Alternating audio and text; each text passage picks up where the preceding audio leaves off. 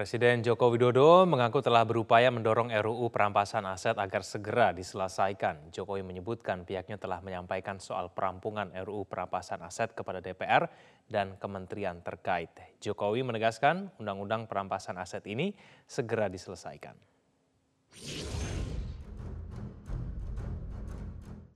Presiden Joko Widodo begitu kekeh untuk menyelesaikan rancangan undang-undang perampasan aset.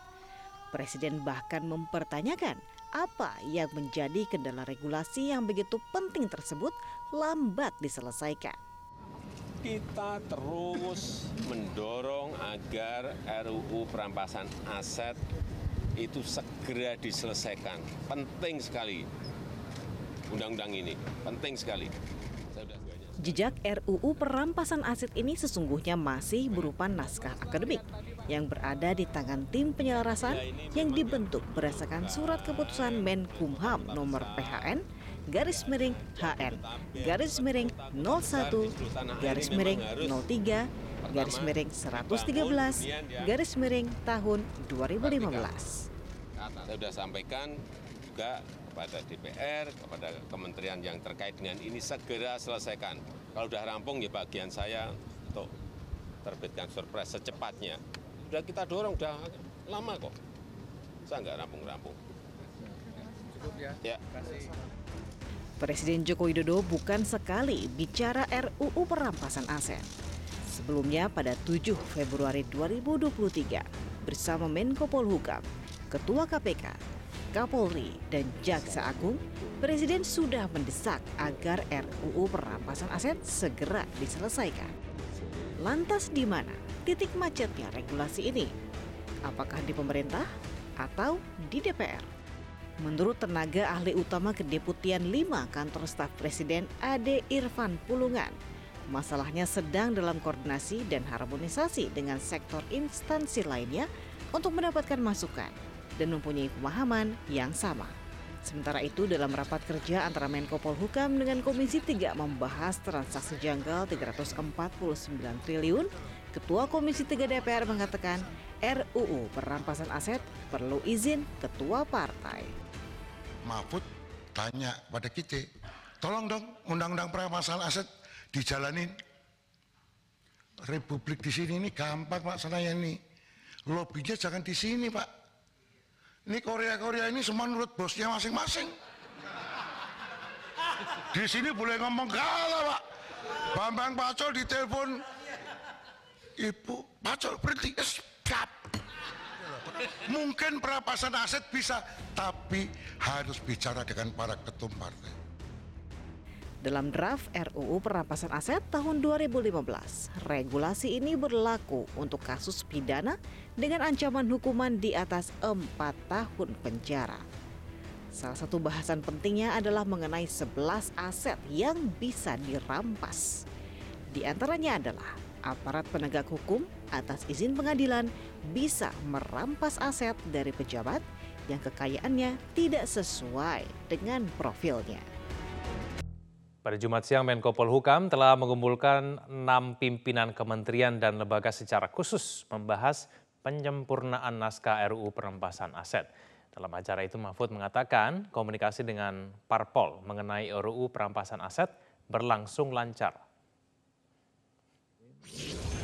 Karena Presiden juga sudah mendorong kami agar lebih cepat mengkonsolidasikan eh, materi-materi yang secara redaksional atau konsistensi narasi itu kalau masih ada, kalau masih ada itu nanti akan disisir lagi eh, dalam tiga hari ke depan sehingga nanti begitu presiden eh, pulang dari luar negeri kita sudah bisa langsung ajukan.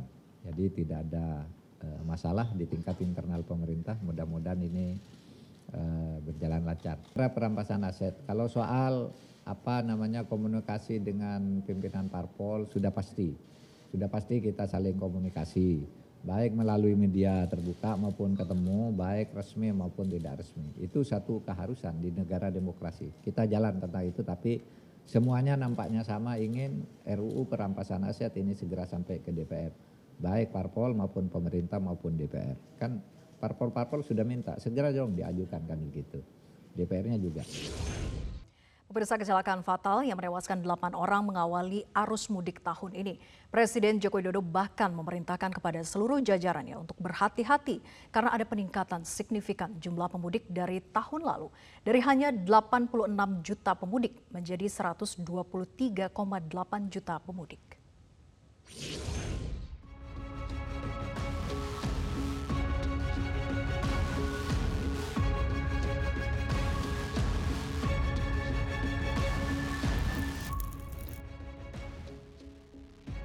Arus mudik lebaran tahun 2023 baru saja dimulai, namun kecelakaan fatal sudah terjadi.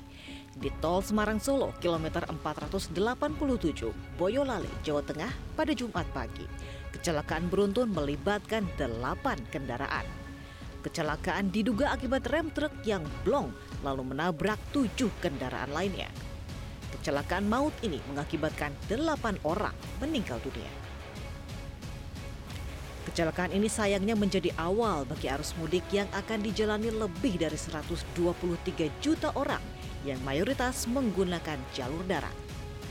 Menghadapi situasi ini, Kakor Lantas Polri Irjen Pol Firman Santiabudi menyatakan ada beberapa fokus dalam pengawasan pengamanan mudik kali ini, termasuk menyiapkan sejumlah rekayasa lalu lintas.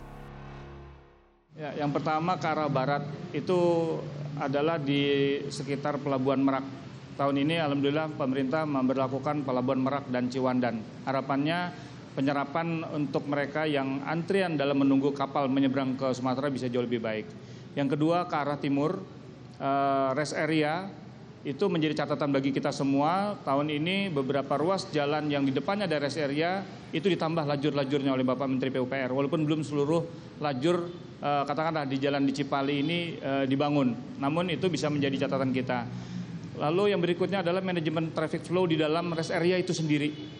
Kita tidak uh, tidak lagi tanda kutip mengizinkan masyarakat langsung ke tempat-tempat favoritnya, tapi kita arahkan mereka ke tempat lot parkir yang tersedia. Presiden Joko Widodo bahkan secara khusus meminta agar semua pihak menghitung detail perencanaan yang harus disiapkan untuk menjamin arus mudik berjalan lancar. Jokowi menginstruksikan jajarannya untuk mengantisipasi dengan sungguh-sungguh Terlebih, angka yang telah diprediksi pemerintah, arus mudik tahun ini akan mengalami peningkatan signifikan, yakni lebih dari 123 juta jiwa. Angka ini naik 45 persen dari tahun sebelumnya yang hanya 86 juta jiwa. Kepolisian Resor Pesisir Selatan Sumatera Barat hingga kini belum menetapkan tersangka dalam kasus persekusi terhadap dua perempuan pemandu lagu di kawasan pantai Rasia Putih Kambang, Kabupaten Pesisir Selatan pada Sabtu malam yang lalu. Padahal polisi sudah memeriksa 11 saksi. Kapolres Pesisir Selatan AKBP Novianto Taryono mengatakan pihaknya telah memeriksa 11 saksi dan memiliki sejumlah alat bukti terkait dengan kasus tersebut. Namun hingga kini belum ada satupun penetapan tersangka. Novianto mengatakan kedua korban berusia 19 dan 23 tahun. Mereka merupakan pemandu lagu di salah satu kafe di pantai Raisa Putih Kambang. Saat kejadian, keduanya sedang tidak bertugas dan hanya berkunjung ke kafe. Sebelumnya beredar video dua perempuan pemandu lagu digiring dan diceburkan ke laut lalu ditelanjangi walaupun keduanya sudah meminta ampun. Kejadian itu diduga karena kafe masih beroperasi pada saat Ramadan. Polisi akan menjerat para tersangka dengan pasal persekusi, kekerasan seksual, pornografi, dan pelanggaran Undang-Undang ITE.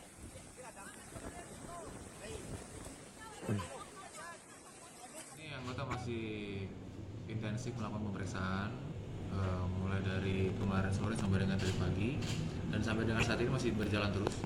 Kita sudah melakukan pemeriksaan sebanyak 11 orang saksi yang ini sudah mulai mengerucut, hasil penyidikan sudah mulai mengerucut. Insya Allah nanti malam kita akan gelar perkara untuk e, menentukan siapa tersangkanya. Buntut dari adanya permintaan tunjangan hari raya ke pemilik bus Budiman, Kepala BNNK Tasikmalaya Iwan Kurniawan Hashim akhirnya dinonaktifkan dari jabatannya. Iwan Kurniawan juga menjalani pemeriksaan tim Inspektorat Pengawasan dan Pemeriksaan Khusus oleh BNN. Tim investigasi dari Badan Narkotika Nasional Provinsi Jawa Barat bergerak cepat dengan adanya permintaan THR terhadap pemilik bus Budiman yang dilakukan oleh Kepala BNNK Tasikmalaya.